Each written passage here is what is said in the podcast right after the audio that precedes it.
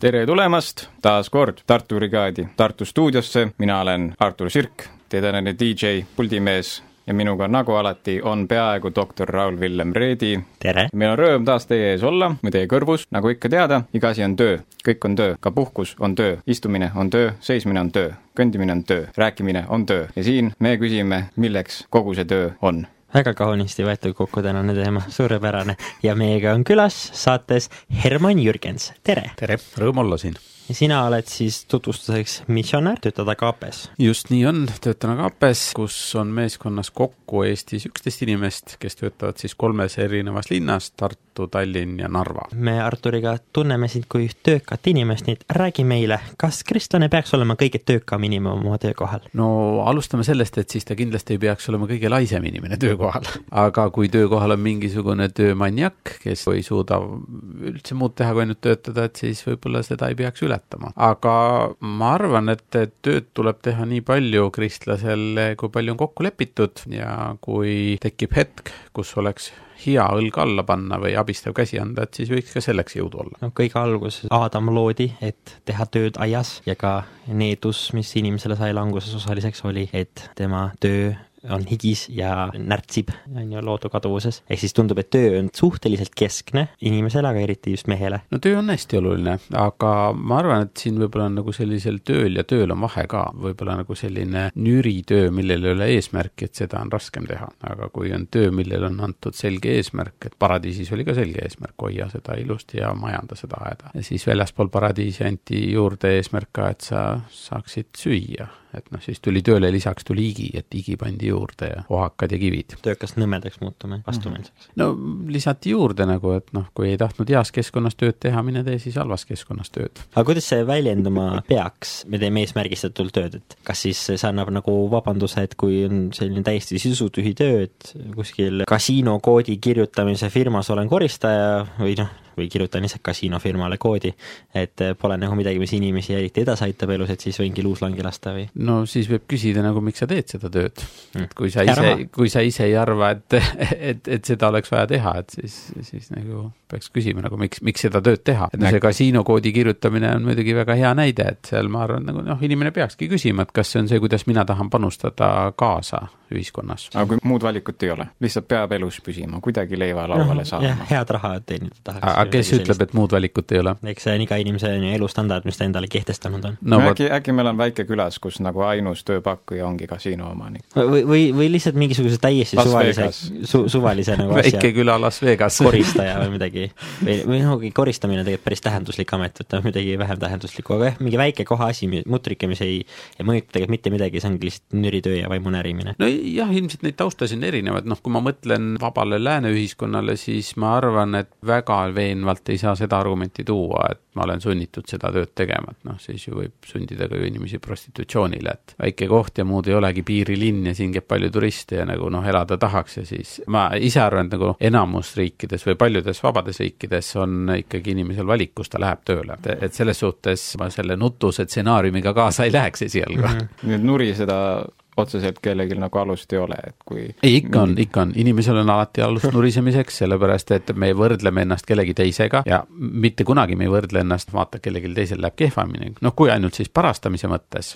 noh, ütleme inimese loomusest lähtuvalt, aga ütleme niimoodi, omakasu mõttes me võrdleme ikka ennast alati kellegiga, kes on paremal järjel kui meie. Ja noh, siis on alati alust nuriseda, et mõtle, temal on kaks autot ja minul ainult üks. ja kui mul oleks kaks, siis ma võrdlen sellega, kellel on kolm autot. ehk siis mitte, et kristlased peaksid olema kõige töökamad inimesed oma töökohal, pigem hoopis, et kristlased peaksid valima töökoha, mis on tähenduslikud ja seal olema töökad. jaa, pigem, pigem toetan seda suunda, et okay. see töö peaks looma positiivset väärtust ühiskonnas ja kui mina mõtestan, siis minu jaoks ta on ikkagi kokkulepe. et noh, seda kutsutakse töölepinguks, aga noh, seal lepitakse kokku midagi. kristlasena minul on arusaam on selline, et kui on kokku lepitud, et noh, kui ma ütlen jah, et siis minu jah peakski olema jah, et noh, kui ma olen kokku leppinud seda, et ma lähen hommikul kell kaheksa tööle ja ma hakkan kraavi kaevama siit kella viieni, et siis ma peaksin siit kella viieni kraavi kaevama. kui kraav saab kaevatud? siis eh, loodetavasti on tööd veel ja tuleb teine kraav ka kaevata. aga no ma pigem mõtleks nagu niipidi, et mis tempos kraavi kaevata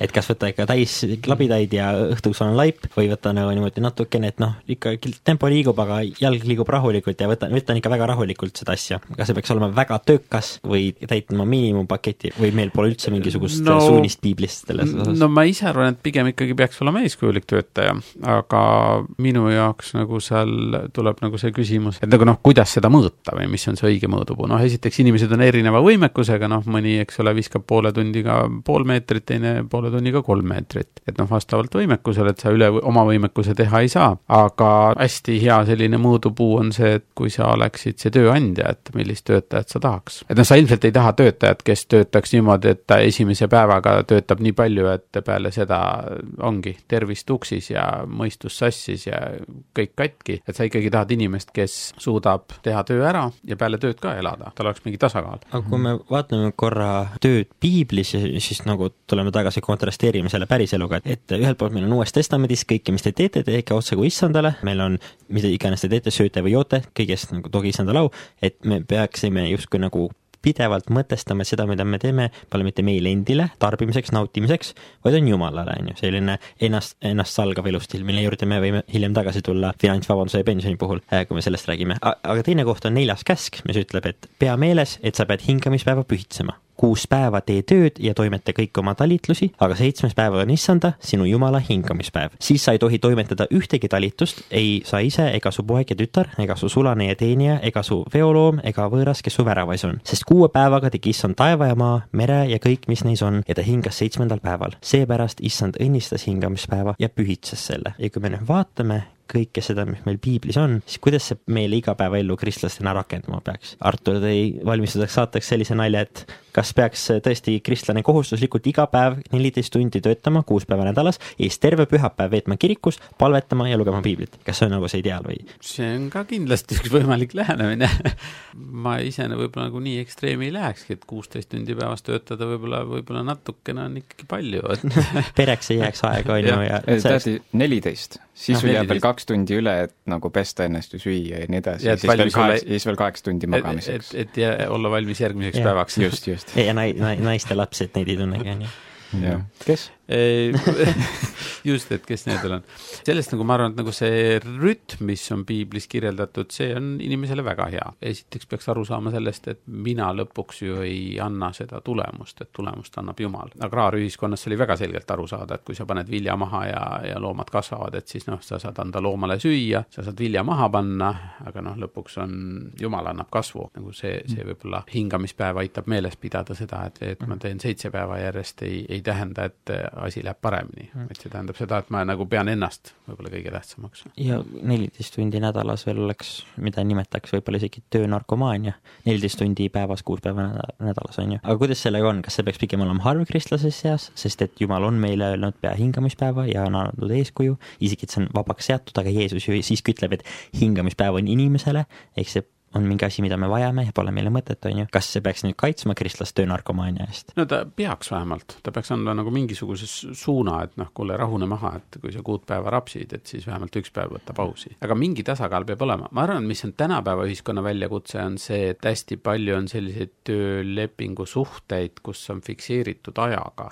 töötamine, ma mõtlen nagu päevas kellaajaga, noh kui võtta Vanas Testamendis mingid näited, noh, seal ju pidi töötama seitse aastat, et abikaasa välja välja teenida. seal oli ka ajaga fikseeritud, aga ta oli kuidagi teistmoodi kulges see aeg, et noh, siin on äh, üks asi on nagu see töö, mis toob meil leiva lauale, aga teine on see, et kui kes iganes läheb koju, siis kodus on ka ju tööd, et noh, kas või kui sa kümme korda lähed esikusse, noh, üheteistkümnendal korral äkki võib-olla peaks natukene tolmu või liiva sealt ära pühkima, noh, see on ka ju töö. või õhtul teed süüa, noh, see on ka ju töö. absoluutselt. sööginõud koristad ära ka töö, tööd on meil igal pool, ei pääsegi, ei pääsegi, igal pool on töö meil. pesu pesemine mm., nõude puhtana hoidmine ju. No, mehed-naised kogu aeg kodus tegelevad sellega. kogu aeg mingisugune töö käib, aga selline tasakaal peaks olema küll, kui palju sa teed mm. seda tööd, mis sa teed väljaspool kodu suunad, millega sa teenid või noh, ütleme tänapäeva ühiskonnas vahendeid, palju sa kodus teed tööd või kodukeskkonnas panustad, et noh, seal mingisugune tervislik tasakaal on. ikkagi ma mõtlen just praktiliselt lähtudes, et haiglas ma näen hästi palju erinevaid karikatuure.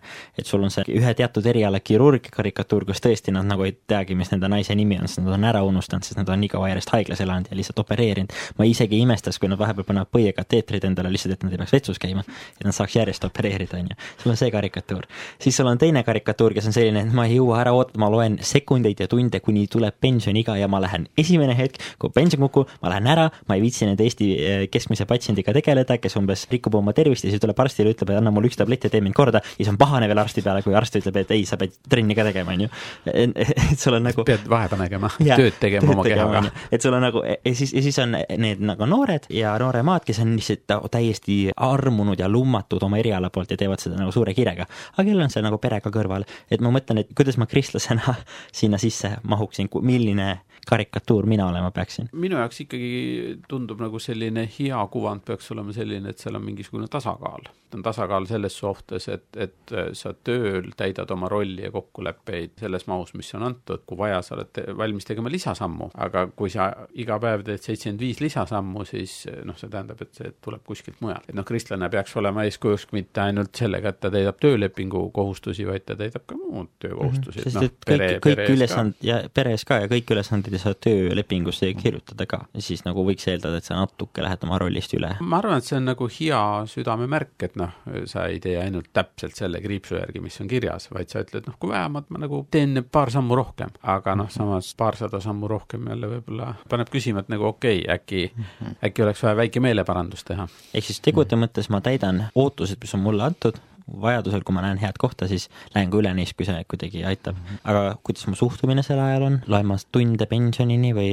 seal neljandas käsus see on ju, ütleb, et tee kuus päeva tööd, siis üks päev puhka. see on hingamispäev, mis on, on ju, mida te peate pühitsema issanda jaoks. ma arvan, et seal saab nagu just Jumala enda pealt võtta eeskuju selle poolest, mida tema tegi seitsmendal päevil, see oli see, et ta vaatas, mis ta oli teinud ja rõõmustas sellest ja nägi, et oh, see on hea, see, mis ma olen teinud nende kuue päevaga, see on tõesti hea asi. ma arvan, et see samuti peab peegelduma kristlase elus, et mitte me nii-öelda ei rapsi pidevalt rügades mingite koormate ja tööde all selle mõttega, et noh, kui ma lõpetan, siis maailm lihtsalt peatub, päike kustub ära või mis iganes. vaid et lahutamatu osa sellest tööst on see, et me peatume päeva lõpus näiteks, vaatame tagasi selle kõige peale ja saame öelda, et oh, see on hästi tehtud töö. ma olen rahul sellega, mis ma olen oma kätega nüüd teinud. ja ma arvan, et kui rääkida, on ju, nagu Villem, sa küsisid, et see, sellest nii-öelda kristlikust tunnistusest ülejäänud maailmale, siis ma arvan, et näha rõõmsat töötegijat on selles mõttes üsnagi mm -hmm. selles mõttes rahuldus ja näha inimest, kes vaatabki, on nagu, et voh, ma teen seda tööd ja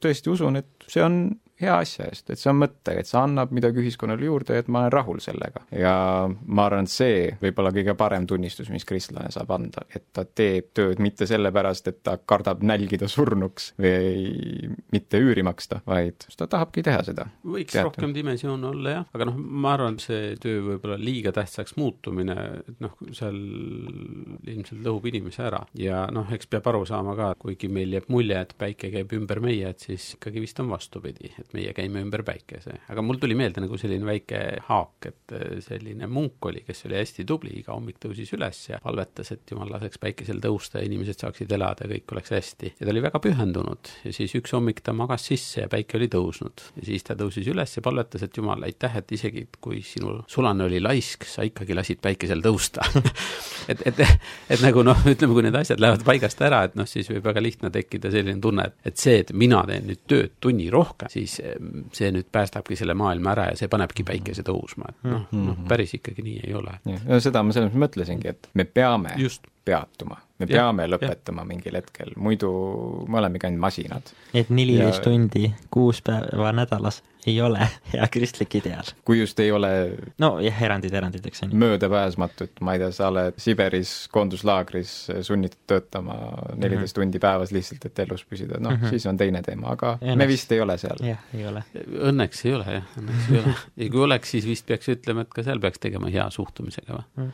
aga praktilises mõttes ma olen kindlasti selle teie küsimuse või teema tõstatud teema juurde kohe tagasi. kui ma olen seal heas töökohas, aga ikka ei tuleb nurin hinge, praktilises mõttes, kuidas nagu kristlasena, mida ma saan teha, mida ma saan mõelda, olla, kuidas, et ma siis ei teeks suure vastumeelega seda tööd õiges hulgas? ma arvan, et nurin tuleb, see ei ole midagi erakordset inimesel. et noh, isegi kui sa teed midagi väga head asja, mingi hetk sa võid tunda väsimust, võid tunda raskust, võib tunda seda, et kõik ei lähe nii korda, on mingisugused probleemid, et noh, nurin tuleb, ei ole mingi küsimus. aga nüüd, mida sellega teha, noh, sealt siis tuleb edasi hakata mõtlema. vaikselt nurisid südames ja teed edasi ja lõpuks on nägu nii kõver ees, et, et see hakkab välja paistma või siis peab selle koha peal küsima nagu, miks see nurin tuleb, et noh, kui ta on nagu väga põhjustatud sellest, et noh, töökorralduses tuleks midagi ümber teha, et nurin ära läheks, noh, see on põhjendatud. aga kui ta tuleb nurin, nurina pärast, et nagu noh, lihtsalt halva suhtumisega teha, et noh, siis peab vist natukene kuidagi tegelema selle hingega, miks see hing nuriseb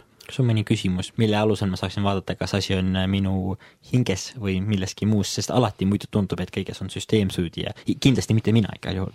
ei noh, süsteem ongi süüdi, ega me ju elamegi katkises maailmas, nagu siin ongi kõik puru ja noh, kui sa vaatad inimesed ka, ükskõik kellega sa koos töötad, ikkagi on katkised inimesed, et noh, vajavad armu ja päästet. et nagu noh, süsteemi vead me leiame kiirelt üles, aga me enda vead unustame ära ikkagi. aga kuidas jõuda selleni, oih, see on nii keeruline küsimus. noh, muidugi võiks öelda seda, et kui sa kümnest vea põhjusest põhjusest üheksa alati paned väljapoole, et siis võib nagu küsida, et nagu no ei tea, et äkki on ikka endal ka mm. midagi, et äkki, äkki nagu fifty-sixty rohkem mm.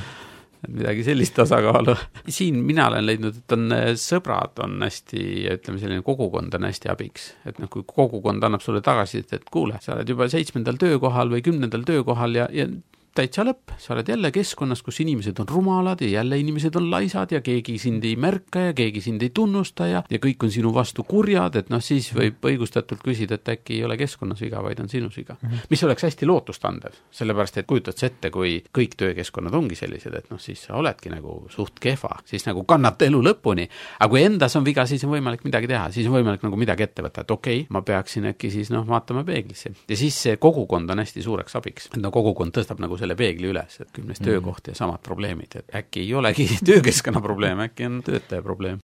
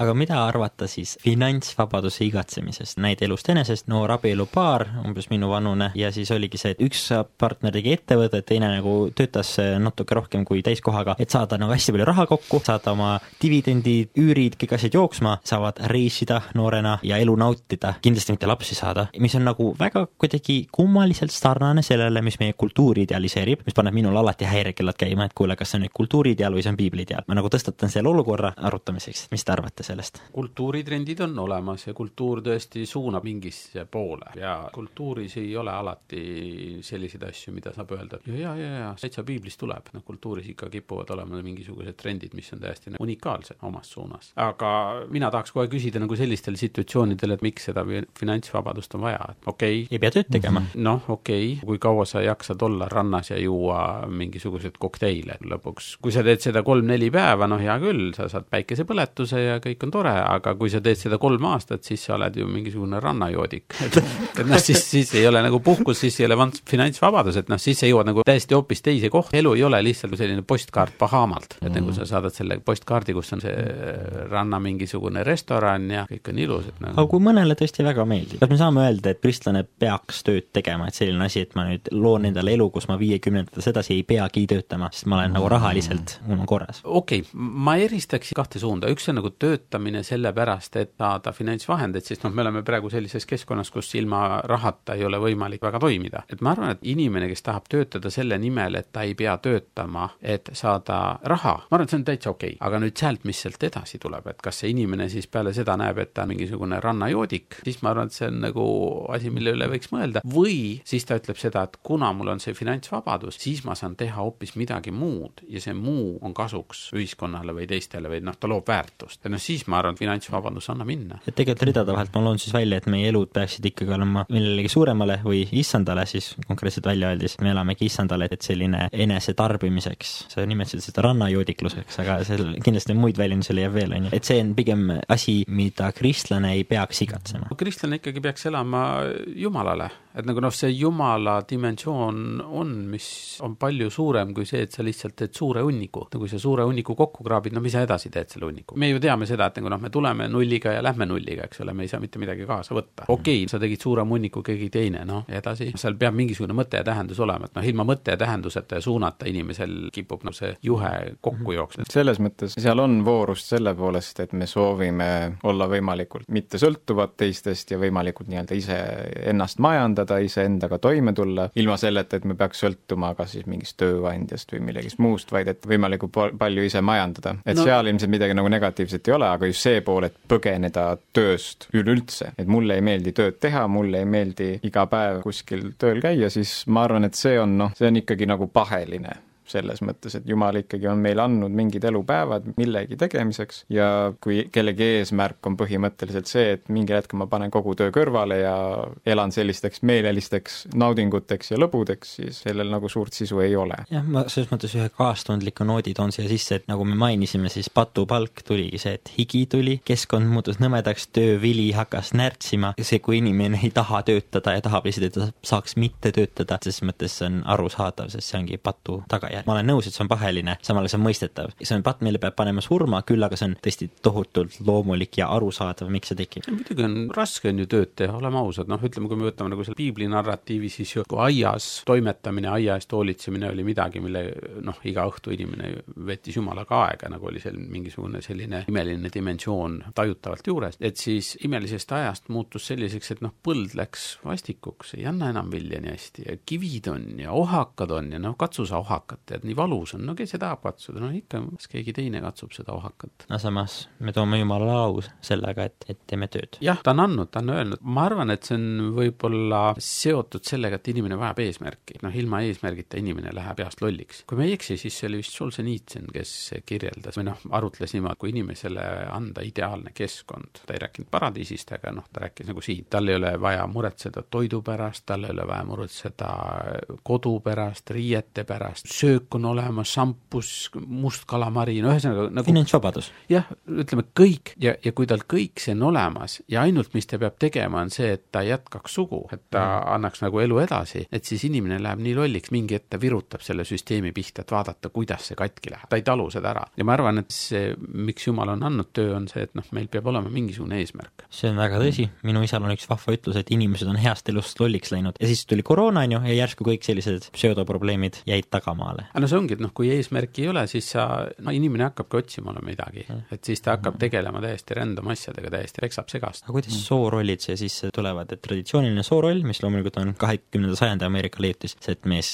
käib tööl ja naine on kodus lastega varem, see oli lihtsalt vajalik, sest muud moodi polnud elu võimalik, on ju, mees oli põllul ja naine oli kodus. et kuidas see kõik siia sisse läheb, kas naised ei peaks töötama, mehed peaks kindlasti töötama, meil on isegi nüüd kvoodid kehtestatud, on ju, et ettevõtete juhatuses peab olema vähemalt, oli see nelikümmend või kuuskümmend protsenti vastavalt nelikümmend jah, et peab kindlasti olema emba-kumba, kas naisi või mehi siis või? naisi praegu, seepärast et kui ikkagi rääkida juhtivatest positsioonidest, siis kvoodid on, et naised saaks sinna. ei no Euroopa Liit lubab jah seda, et kui nagu saavutatakse sooline võrdsus igal töötasandil, et siis on paradiis meie õue peal. aga minul on jäänud arusaam, et, et piiblis ikkagi Jumal on kuidagi nagu seadnud, et kui naine sünnitab äh, lapsed, siis noh, ta vajab abi ja siis mees võiks nagu seda abi pakkuda selle läbi, et ta suudab toitu tuua ja hankida ja küttida ja nagu noh, et ta suudaks hoolitseda pere eest. moodne jutt on ju hoopis teine, moodne jutt on selline, et nagu mis mõttes, et jah, aga kui naine nüüd tahab karjääri teha, tahab teha tööd, kas siis seda peaks nüüd laitma, me oleme siin rääkinud praegu, kuidas töö on hea ja seda võiks teha nurisemata, aga kui naine hoopis nurisedes jääks koju ja tahaks hoopis minna karjääri tegema. no nüüd sa avad teema, mille kohta ei saa piibli näidete põhjal palju midagi öelda, ilma et vastu pead saada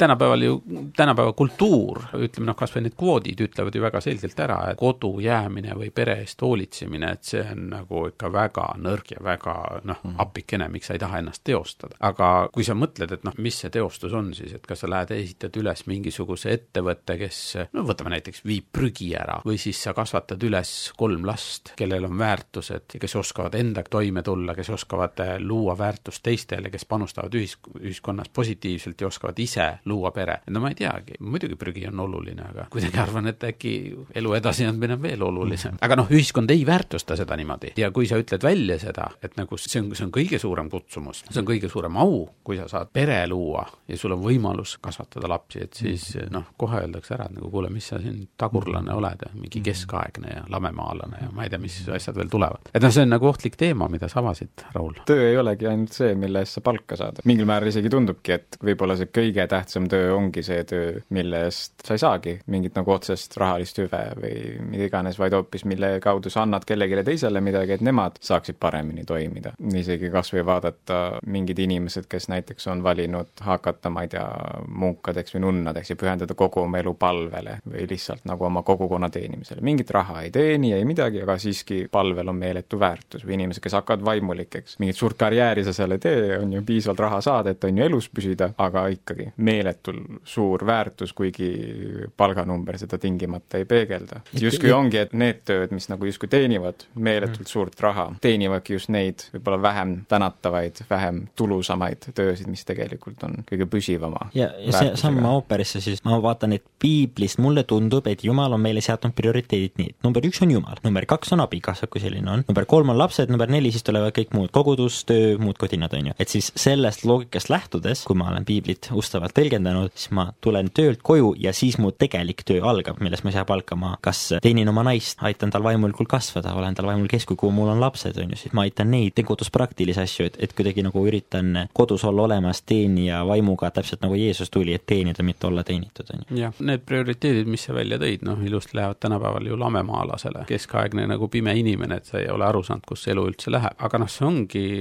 kultuuril on mingisugused trendid ja mingisugused hoovused ja kultuur püüab öelda, et, et inimene ja, ja elu edasiandmine ei olegi kõige suurem väärtus. kui me mõtleme, et okei okay,, piibli seisukoha pealt inimene on ju jumalanäoline ja mõtle, sulle antakse üks jumalanäoline olend, kelle eest sa saad hoolitseda, keda sa saad üles kasvatada, kelle ellu sa saad panustada mm, -hmm. keda sa saad suunata, juhendada, see nagu tehakse nagu appikene, sa ei lähegi tööle. kusjuures see on ju väga hea näide, siin me enne rääkisime tähenduslikku töö, aga tuleb nurin ja kuidas nurinale vastu hakata, aga nüüd siin kontekstis on laps, ainult karjub, kakab igale poole, tahab süüa ja tähelepanu magada ei lase tuleb õudne nurin hinge. muidugi tuleb ja see väga kergelt tuleb, seepärast et noh, kui on unedefitsiit, ilmselgelt on ja siis ta on pubekas, on ju, ta on täiesti tänamatu, ta ei ütle sulle, millal ta koju tuleb. väga raske, elu on kannatuste rada, aga tuleb valida, milline kannatus on kõige parem kannatus ja tundub, et kõige parem kannatus on see, mis on nagu sellise piiblitekstiga läheb rohkem kokku. et noh, see kannatus, et pubekas, noh, on lootus, et mingi hetk ta kasvab välja, aga kui sa ehitad üles firma, ma, ma üldse ei ole vastu sellele, et nagu panustada töös, et siis ma arvan, et ükski firma ei paku sama hoolimist, sama kallistust, kui pakub oma laps. isegi mis iganes raskustest sa oled läbi läinud. ettevõttega sa võid ka või tööga või karjääriga võid minna ka igasugustest raskustest läbi, aga ükski karjäär ei paku seda, mida pakub see, et sul on hea suhe, et sul on terve suhe oma lapsega. Need on võrreldamatud kategooriad. sinnasamma ooperis täpselt, et kuidas firma suhtub meisse, et me võime küll olla väärtustatud aastatöötaja, aga päeva lõpus, kui traagilises õnnetuses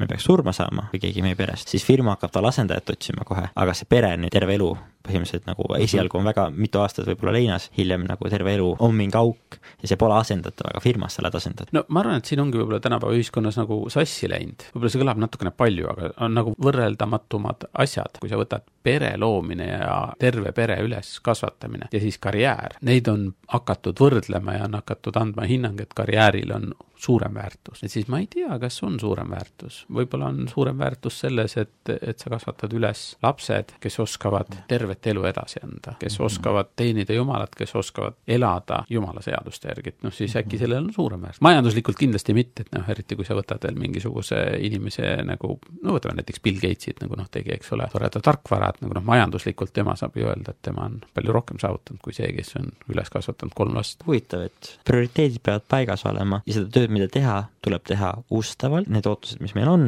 aga nagu samal ajal mitte siis töö siis ära uppuda narkomaania vallas, aga samal ajal mitte luuslangi kalastada. vahepealik tasakaal peab olema. jah, tõesti nagu, et saate esimeses osas me nagu rääkisime töö olulisusest ja kuidas kõik on töö, töö, töö ja siis nüüd me oleme rääkinud, kuidas ei, töö on nii sekundaarne. siinkohal isegi minu naine väga soovis, et ma tõstataks selle konkreetse näite üles, kuidas lahendada sellist olukorda. jumal ütleb, kuus päeva teed tööd, siis üks puhka. aga mis siis, kui sa oled terve nädal totaalne laiskvorst olnud, sa ei ole mitte midagi produktiivset teinud, sa oled lihtsalt istunud arvuti taga, lihtsalt passinud, mitte midagi teinud ja siis laupäeva õhtul sul tuleb patukahetsus sisse, saad aru, et ai, et oleks pidanud tegema paremini, aga oot, aga nüüd tuleb pühapäev, ma pean tegelikult puhkama. nii et kas meeleparandusest peaks iseennast karistama ja jätma ennast puhkepäevast ilma või siis ikkagi selle pühapäeva ennast piitsutama ja meelt parandama ja pingutama, et nüüd järgmised kuus päeva tuleksid korralikud? no see kõik sõltub esmaspäevast. et kui sa esmaspäeval plaanid uuesti eh, laisk olla, tee siis vähemalt üks päev nädalas tööd, aga kui sa esmaspäeval plaanid tööd teha, et siis ma arvan, nagu noh, ära lükka seda õigesse rütmi minekut, ära lükka seda homsesse. et kui on see päev, kus on võimalik koos teistega Jumalat ülistada kirikus või koguduses koos, et siis nagu mine tee seda. ja siis esmaspäeval, kui on uus nädal, et siis ära jätka seda halba rütmi, mis oli, et siis nagu võta see meeleparandus kaasa, et ära võta meele meeleparandust ainult pühapäevad, öelda, et pühapäeval nüüd ma teen tööd, et mitte minna teistega kokku saada, et teistega koos Jumalast rääkida, et ülistada Jumalat, et, et, et nagu noh, et siis mitte tuua seda laiskuse ja meeleparanduse katet sinna, et nüüd ma parandan meelt ja hakkan pühapäeval tööle ja esmaspäeval siis ma jälle vedelen ja pühapäeval ei jõudnud kirikusse ka. ja praktilise poole pealt see ka, et inimesed hästi tihti peavad laiskuseks asju, mis ei ole laiskused ka, vahepeal sul on mingisugused lahendamata probleemid, vahepeal sa oled väsinud, vahepeal sul on lihtsalt liiga kõrged ootused endale, sellest on tekkinud õpitud abitus et siis on mõtet, soovitan õdede-vendade poole välja sirutada käsi, et äkki nad saavad aidata kuidagi ka. lihtsalt ütlen igaks juhuks vahele, et enesepiitsutajad ei saaks enesepiitsutamiseks hoogu juurde. enesepiitsutamine on selline lihtsalt enesehaletsemine. võtab ära sult energiat siis päriselt tööle hakates, sa oled kogu oma energia kulutanud ära sellega, et noh, sa oled ennast piitsutanud. see on piitsutamise töö tehtud vähemalt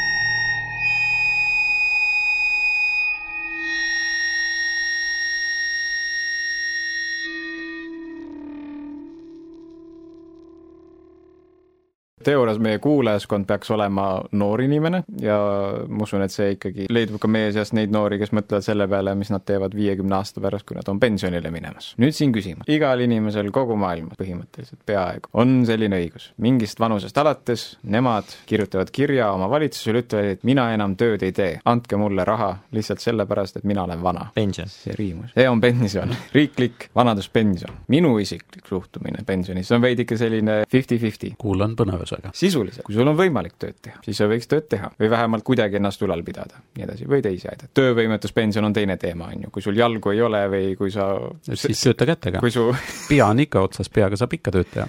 või kui su selg on nii läbi, et üldse ei jaksa liikudagi ja nii edasi ja nii edasi või oled haige, aga lihtsalt puhtalt selle pealt, sul on mingi vanusenumber, siis no ikka ju tuleks edasi tööd teha. et see ei ole riiklikult rahastatud laiskus, mida taotletakse selle kaudu, vaid eh, selle eesmärk on toetada inimesi, kes ei saa muud moodi. Pole muid vahendeid, mille kaudu elada. ehk siis sa küsid, kas vanaduspension on õigustatud puhkus või riiklikult rahastatud laiskus? ma arvan, et tal nagu see ideaali mõte on taga ilus, et, et pakkuda toimetulekuvõimalust inimestele, kelle ramm on raugenud. aga kas ta nüüd tänapäeval niimoodi on, see on teine asi. mina jälle ikkagi lähen tagasi sinna, et ma arvan, et nagu noh, inimene ei ole loodud lihtsalt olema, tal peab mingisugune eesmärk olema, kuhu suunda ta liigub. kui ta seda eesmärki täita ei saa, siis inimesel hakkab halb ja ma arvan, et see, et pensioniiga tuleb, no kui ma mõtlen enda peale, ma ei suuda küll mõelda, et ma jääksin paigale sellepärast, et mul saabus pensioniiga. see mõte tundub mulle nagu apikene, et ma läheks vist kolme päevaga läheks hulluks. ma saan aru, on väsitavaid hetki ja ilmselt ma kolm päeva siis puhkaks, peale seda ma ei, ma nagu tahaks midagi teha. ma tahaks midagi korda saata, millest oleks kasu, kasu laiemale ühiskonnale. muidugi on võimalus, et praegu räägin oma nooruse rumalusest mm., et äkki kui ma olen pensionieas, siis ma ütlen nagu andke see raha siia ja laske mul olla diivanil, et võib-olla ma rohkem ei jaksagi. aga mul on jäänud pigem ikkagi mulje, et inimene tahab midagi teha, ta tahab midagi tähendusrikast teha. see haakub su varasema mõttega ka, et eesmärk on seesama finantsvabaduse teema, et milleks me finantsvabadust taotleme, kas me oleme elupõletajateks, endale elamiseks või siis see on, et vabastada end millekski muuks, mis on siis ka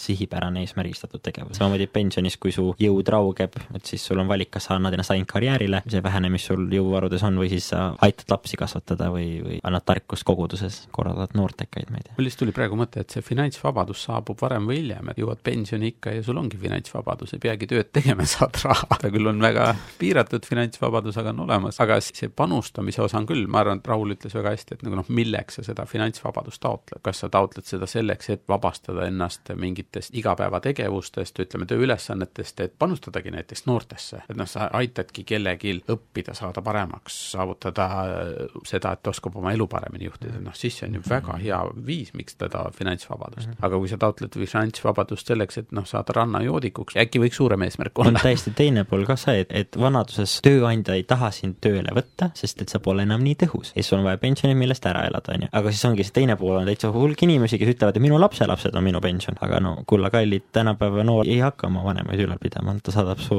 hooldekodusse. kristlased võib-olla heal juhul nagu hoolitsevad oma vanemate eest. ja Eesti riigis nagu see riiklik pension on esimene sammas, nagu on täitsa midagi, aga lõviosa pensionist on ikkagi ju teise samba sinu panus, kolmas sammas, mis on täielik kogumispension ja siis sealt saadud tulumaksu tagastus, mis on üldse kõige suurem, nagu et see kolmas sammas, sa paned sinna kuni viisteist protsenti oma brutost sisse, kuue tuhande euroni laeni ja siis sa saad sealt kakskümmend protsenti tulumaksu tagasi, on automaatne kakskümmend protsenti tootlus. geniaalne investeering, nagu kõigile soovitada. tasub ära. tasub ära. ongi, et see võimaldab siis mitte nõjatuda tulevikus oma lastele, see võimaldab olla õnnistus edasi, tahan lihtsalt seda teist poolt tuua, et nagu lihtsalt pension ära unustada ja siis jääda nagu töötuks ja siis elada teiste najal lihtsalt sellepärast, et pole oldud ettenägelik, et see pole nüüd ka hea. kuigi loomulikult on see Singapuri näide, mis Artur üles leidis, kus seal on niimoodi, et töövõimelised pensionärid peavad endiselt tööl edasi käima, aga riik maksab lihtsalt pool tööandja palgakuludest kinni, et siis tööandja oleks motiveeritud pensionäre palkama. et siis pensionärid töötavad nagu edasi. aga siis jälle mul tekib see tunne, et ma ei tea, seitsmekümne aastasena ma ei ole kindel, kas mul on nii palju rammu, et kui ma tööl kõik ära annan, kas mul jääb koju, lastelastele, kogudusele, kas mul jääb midagi üldse alles, ma tulen ja olen üks no, no seda me Laip. saame küsida siis, kui sa oled seitsekümmend et siis vaatame ära, aga mulle nagu see mõte resoneerus küll, et tulevikule peab mõtlema. meile on antud see võime näha ette nii palju, et noh, me teame, et kui me paneme seemne mulda, et siis sügisel me lõikame saaki. tulevikule peab mõtlema, et noh, mitte minna niimoodi, et ma nüüd ei plaanigi oma elu, ei elagi oma elu ja siis riik hakaku minu eest hoolitsema. mulle see mõte mm -hmm. ei resoneerunud No mul nagu see väga resoneerus, et noh, sa peadki ette mõtlema, et nagu vaatame ette ja olema valmis selleks mm. -hmm. et ma ei hakka nagu riigi peal liugu laskma, ma ei hakka laskma liugu nagu oma lastelaste peal ja veel lisamõte siia juurde, inimesed ei taha teha oma loomuomaselt tarku valikuid, noh, seesama näide on ju patsiendist, kes põletab läbi sisehaigust arste, siis nad retsivad oma südant alkoholi joomise ja mitte liikumisega, siis tahavad arstideks tabletiga selle korda, on ju. sarnaselt siinkohal, inimene ei mõtle oma tulevikule, riigi poolt on nagu väga kaval lüke, et inimene, pane ise raha kõrvale ja me lihtsalt teeme sulle väga häid tingimused, on ju, me anname sulle tulumaksu tagasi, mida kõike veel, et sa oleks motiveeritud andma, aga tegelikult sina kogud seda raha, mis on midagi, mida võiks arvata, et iga inimene teeb, mõtleb ette oma tulevikule, no ega tegelikult ei tee. ja siis no noh, pension on nagu hästi geniaalne viis, kuidas motiveerida inimesi tegema tarku valikuid, see pole nagu riigi peal liugu laskmine, aga see on riik loomas motivatsiooni inimesele teha häid valikuid. see on niimoodi, et inimestel on heade valikutega väljakutse, aga mina isiklikult olen leidnud kristlasena hea valikute klubi, ma käin iga pühapäev seal ja seal räägitakse headest valikutest ja räägitakse nendest asjadest, kuhu suunas oleks hea liikuda. mina vajan pidevat meeldetuletust, ikkagi ma peaksin heas suunas liikuma, vahel ma õnnestun, vahel ma kukun, siis ma jälle klopin riided ära ja püüan oma elu korraldada. ma soovitaks inimestel liituda sellise hea Mhm. valikute klubiga, et iga pühapäev enamasti saadakse kirikus kokku, kus räägitakse headest valikutest ja millist mõju see omab inimese elus. ja siis, kui seda koos teha, siis seal nagu tekib selline hea olemine. aamen, aga piibel ütleb veel, et meil on aare taevas, mõeldes vanadusele, et noh, ma ei kogu omale vanaduspensioni, et ma kogun aaret taevasse ja seal on, seal on sellest, kuidas me seda mõtestame. no taevane pension on kõige parem pension, ma arvan, et sinna tasuks panustada rohkem kui maisele pensionile. ma, ma arvan, et see meeldetuletus, et meil on aare taevas, on väga hea, sellepärast et noh, me peame panema selle sihi nii kaugele, et selle sihi järgi tasub minna. ja kui ta on liiga lähedal, siis sa teed selle ära, siis oled jälle segaduses. väga hea meeldetuletus, Raul, meil on aare taevas. ja kas investeerimine on siis, ongi nagu kristlik asi siis, et sa nagu harjutad ennast selle mõttega, et nii-öelda kui kirik õpetab, ära mõtle ainult sellele, mis sul nüüd selles elus on, vaid sellele, mis sul tulevikus on igavikus, et kas siis me peaks ka harjutama investeerimisega seda, et nagu, et oh, mina panen nüüd raha sellesse firmasse ja kunagi võib-olla sellest midagi head tuleb. no investeerimine on ju väga piibliga heaks kiidetud. Jeesus rääkis ise loo, et üks vend sai kolm tuhat ja teine viis tuhat ja üks sai tuhat ja mis iganes need summad olid ja lõpuks laksu sai ikkagi see, kes ei teinud sellega midagi. pani mulda ja jah, et nagu noh, ta põhimõtteliselt nagu lootis, et ta saab selle endale kuidagi, aga noh mm., kõigile on antud ja küta. ja mina ise olen suur investeerimise fänn ja kolmanda samba promo juba tegin ka, on ju. indeksfondid on kõige paremad, seal on kõige väiksemad fondikulud. nimeta meile oma lemmikpank ka nüüd. Ja siis äh, ühesõnaga, minu arust see Hermanni mõte siinkohal on hästi oluline, mille jaoks ma seda teen, kas ma tõesti taotlengi raha, et mul oleks see suur hunnik, mille otsas istuda, või ma taotlen raha, siis ma tahan targasti ümber käia sellega, mis Jumal mulle on andnud, ma tahan, et mul oleks võimalus olla õnnistuseks teistele, ma tahan, et ma saaks hoolitseda oma lähedaste eest, mul on sihipärane see, et see pole nagu mulle tarbimiseks ainult, vaid see on Jumala kuningriigi ülesehitamiseks ja, ja millegi saavutamiseks mingi valmisolek, on ju. jah, noh, see on nii raha kui ka no nüüd nagu samm edasi nagu inimese eluga, et noh, meile ei ole antud elu, et me elaksime seda endale ja kui me elame endale elu, siis kõik ütlevad kohe, kuule, see on ikka haigelt isekas inimene esile ikkagi tõusevad need inimesed, kes elavad mitte endale, vaid mõtlevad teistele, et nagu see elu mõte on palju kaugem ja suurem, et noh, seda siis nii raha kui elu kõigega, nii et toetan, toetan seda mõtet. investeerida, teha firmat, teha ükskõik mida ja teha seda ainult endale ja enda tarbeks pole väga kristlik. aga heade valikute klubi on, on tõesti üks hea koht, iga pühapäev tulge. aga saate lõpetuseks, me oleme siin rääkinud eri teemadel, aga kogu aeg minule kumab läbi see tähenduse teema, et inimene olgu eesmärgistatud, olgu meie tegevusel mingisugune siht, nüüd vaatan seda ja mõtlen, et okei okay,, ei usu seda, või siis usun seda, aga kuidas ma nagu saan oma elu mõtestatuks, kas me saaks nagu sellest natuke arutada, kas me tõesti peame olema kindlalt mõtestatud, kuidas me põhjendame seda? Ja kui me peame olema mõtestatud, kuidas? mina arvan küll, et inimene peab olema mõtestatud, muidu on ennast väga raske panna kuhugi suunas liikuma. Aga kuidas sa kaitseksid seda piibelikult? me oleme loodud Jumala näoliseks ja Jumal on teinud mõtestatud maailma. ta on loonud maailma süsteemi, plaaniga ja liikumisega ja ta liigub Jumala poole. isegi kui me teeme mingisuguseid haake, noh, kui sa võtad kogu piibli narratiivi, siis seal on, ta algab niimoodi, et Jumal teeb midagi väga head ja isegi kui inimene teeb mingi sigaduse, siis Jumal võtab ja viib selle tagasi Jumala poole. et ta võtab kogu selle, mis ta on loonud ja viib sinnapoole. me vajame mingisugust suunda ja tundub, et selline väike suund ei ole meile piisav. väike suund, see, et me võtame kas siis olgu see õun või mis iganes vili see oli, mida me võtame, et siis see väike suund lõhub ära ja me vajame sellist suunda, mis on nii suur, mis kannab meid rohkem kui ainult see, mida me siin näeme ja tajume. ja tundub, et see suund saabki olla ainult Jumal. ja noh, ta kõlab hästi selliselt klišeelikult või, või kuidagi väga lihtsalt, aga võib-olla meie siht peabki olema Jumal. et me liigume sinnapoole ja siis töö, pere, vastutused, kõik muud suhted, mis meil on, et need kõik toetavad seda suunda, et me liigume Jumala poole. et me kasvame mm -hmm. tema tundmises, me kasvame tema mõistmises, me kasvame selle, et tema juhatab meid rohkem ja kui see on paigas, siis mm -hmm. ülejäänud asjad vist lähevad ka paika mm. -hmm. ja mul kohe seostus teise korintlaste viis viisteist ja Kristus on surnud kõikide eest, et elavad ei elaks enam enestele, vaid temale, kes on nende eest surnud ja üles äratatud. hästi konkreetselt ütleb välja täpselt nagu just Kristusele. et nagu see, see elukese peab mm -hmm. muutuma, mitte töö mm, -hmm. mitte pere, mitte mingisugused tegevused, vaid, vaid nagu see Kristuse kese, et Kristus kui Jumala kehastus mm. siin, et noh te,, tema suunas see on meie usu olemus ju, meie oleme vales patus kõndimas ja me parandame meelt selles, meie patune mina on ristile löödud koos Kristusega ja me oleme koos Kristusega üles tõusnud, nagu Rooma kiri ütleb. ja me olemegi Kristuses, meie oleme surnud ja me oleme elavad Kristuses. ehk siis me olemegi nagu, ma ei taha öelda väiksed Kristused, see oleks nagu halb, aga, aga me oleme Kristusele me elame Kristuses, see mina, Villem, surnud, ma nüüd olen uus loodu, mis olen Jumala oma, Jumala mhm. jaoks mm. -hmm. ehk siis okei okay,, nii et peame olema mõtestatud, aga kuidas, ma nüüd vaatan, et okei okay,, pean olema mõtestatud, aga töökoht, noh, sakib või siis kodus ei viitsi üldse vaeva näha mm, -hmm. see praktiline know-how, kuidas me saavutame seda eesmärki? no enne peab olema selge eesmärk, kui ei oska öelda, inimene, ta ei saa võtta nagu kellegi teise eesmärki, et ta peab ise endale selle võtma ja siis ta peab tegema väikse ausushetke, vaatama, et kas see eesmärk ja see, mida ma teen, kas need on tugevas seoses, seoses, kaudses seoses, võib-olla üldse seoses. ja siis, kui ei ole seoses, siis me teame kohe, et selle kohta öeldakse, et tuleb teha meeleparandus. ja siis, kui eesmärk on hea, siis paranda meelt, kui eesmärk on halb, siis paranda eesmärki. eesmärgist juhitud elu, ühesõnaga. ja Kristus ise ka oli selles mõttes hea eeskuju selle poolest, et mõnikord võib olla kiusatus mõelda, et ainsad tähtsad osad tema elust olidki need viimased kolm, kus ta nagu oma teenimistööd tegi ja kus kõik tema elu olid kirja pandud. aga need eelnevad kolmkümmend olid ka tähtsad, kus ta oligi lihtne pussep, tegi laudu ja toole ja uksi ja tegi seda hästi, tegi seda südamega, tegi seda hoolega ja selle kaudu Kristus minu meelest mingil viisil nagu vääristaski tööd sellisel viisil, et me ei saa vaadata ühegi töö peale ja öelda, et aa, see on kuidagi minust allpool või see on mhm. kuidagi mõttetu või mis iganes. Kristus valis põhimõtteliselt kõige vaesema, kõige argipäevasema töö, mida üldse sai nagu mõelda ja tegi seda ja tegi seda hästi. ja ma arvan, et see saab olla meile ka